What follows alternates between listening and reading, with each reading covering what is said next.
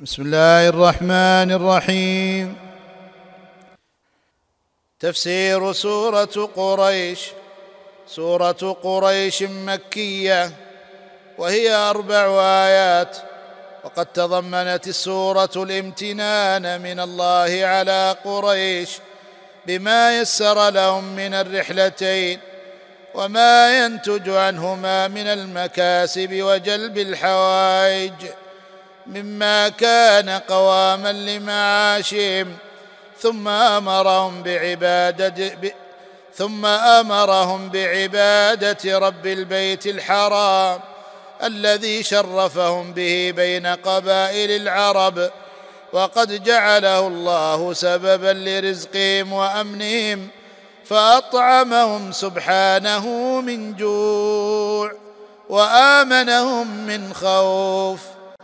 ويظهر التناسب ويظهر التناسب بين هذه السورة والتي قبلها سورة الفيل أن سورة الفيل تضمنت التذكير بنصر قريش على ذلك العدو. تضمنت التذكير بنصر قريش على ذلك العدو الباغي لإذلالهم. ولهدم سبب عزهم فنصرهم الله بسبب سماوي لم يكن بحولهم ولا قوتهم ولم يكن لهم طاقة بقتال ذلك العدو. وهذا النصر هو من أعظم إيمان الله لهم من أعظم خوف خوف طرقهم.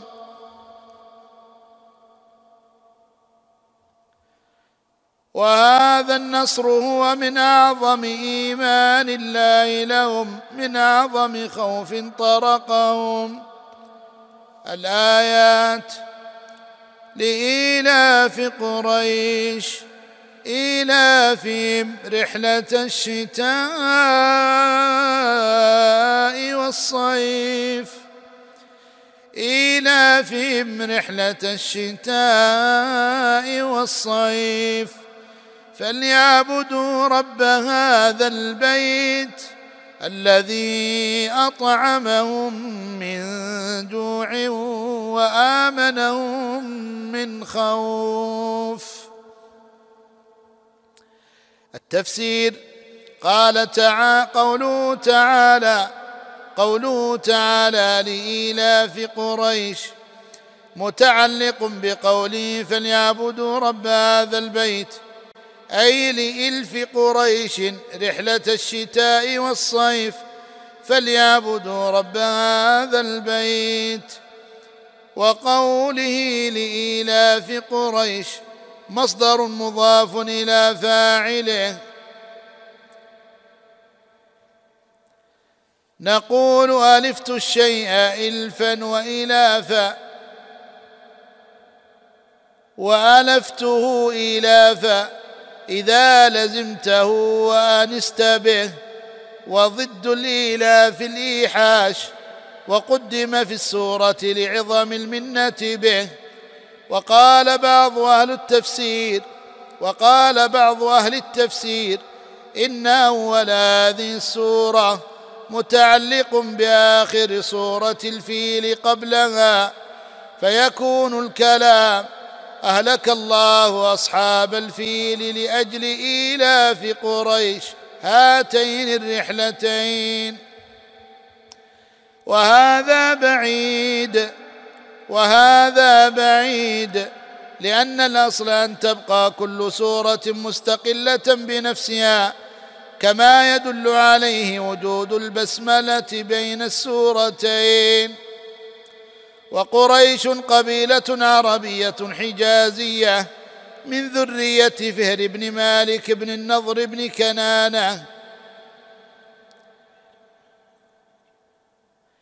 من ذرية فهر بن مالك بن النضر بن كنانة.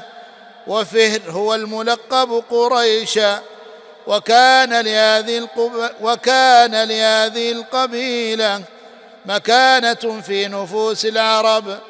لأنهم المجاورون للبيت والقائمون عليه وإليهم ولاية الكعبة وسدانتها وسقاية الحاج.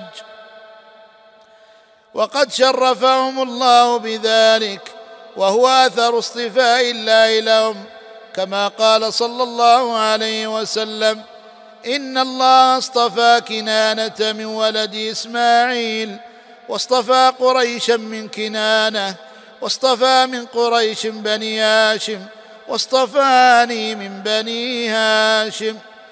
وقوله إيلافهم رحلة الشتاء والصيف بدل من لإيلاف قريش وهو من باب التفضيل وهو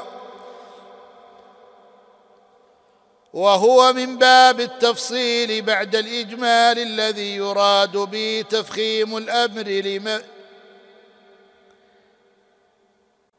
وهو من باب التفصيل بعد الإجمال الذي يراد به تفخيم الأمر لبيان عظم المنة ولتمكين الكلام في نفس السامع ورحلة مفعول به للمصدر والرحلة السفر من مكان إلى مكان. وكان لقريش الرحلتان لغرض التجارة. رحلة في الشتاء إلى اليمن ورحلة إلى الشام في الصيف. فيجلبون الأطعمة والثياب وكل ما يحتاجون إليه. وانها لنعم وإنها وإنها لنعمة عظيمة من الله على قريش أن ألفوا هاتين الرحلتين. وإنها لنعمة عظيمة من الله على قريش أن ألفوا هاتين الرحلتين. ولا يعرض لهم أحد ولا يبغي عليهم باغ في حين في حين أن غيرهم لا يأمن على نفسه إذا سافر ولا على ماله. ولهذا أمرهم الله بشكر نعمته عليهم وإخلاص العبادة له وحده. فقال فليعبدوا رب هذا البيت أي الكعبة. وقد أضاف الله ربوبيته إلى البيت تشريفا له. والإشارة إليه باسم الإشارة تعيين له وتعظيم كقوله تعالى إن هذا القرآن يهدي للتي هي أقوم والفاء في قوله فليعبدوا للتفريع أي إذا كان الأمر كذلك فليعبدوا قوله الذي أطعمهم من جوع مع أنهم في واد غير ذي زرع والاسم الموصول صفة لرب البيت وآمنهم من خوف أي جعلهم مطمئنين سالمين حضرا وسفرا فهم في أمن مكان وأرفهم فهم فهم في آمن مكان وارغد عيش مما لم يكن لغيرهم كما قال سبحانه أولم نمكن لهم حرما آمنا يجبى إليه ثمرات كل شيء رزقا من لدنا ولكن أكثرهم لا يعلمون. أولم يأو أولم نمكن لهم حرما آمنا يجبى إليه ثمرات كل شيء رزقا من لدنا ولكن أكثرهم لا يعلمون. وقال إبراهيم عليه السلام وارزقهم من الثمرات لعلهم يشكرون. الفوائد والأحكام.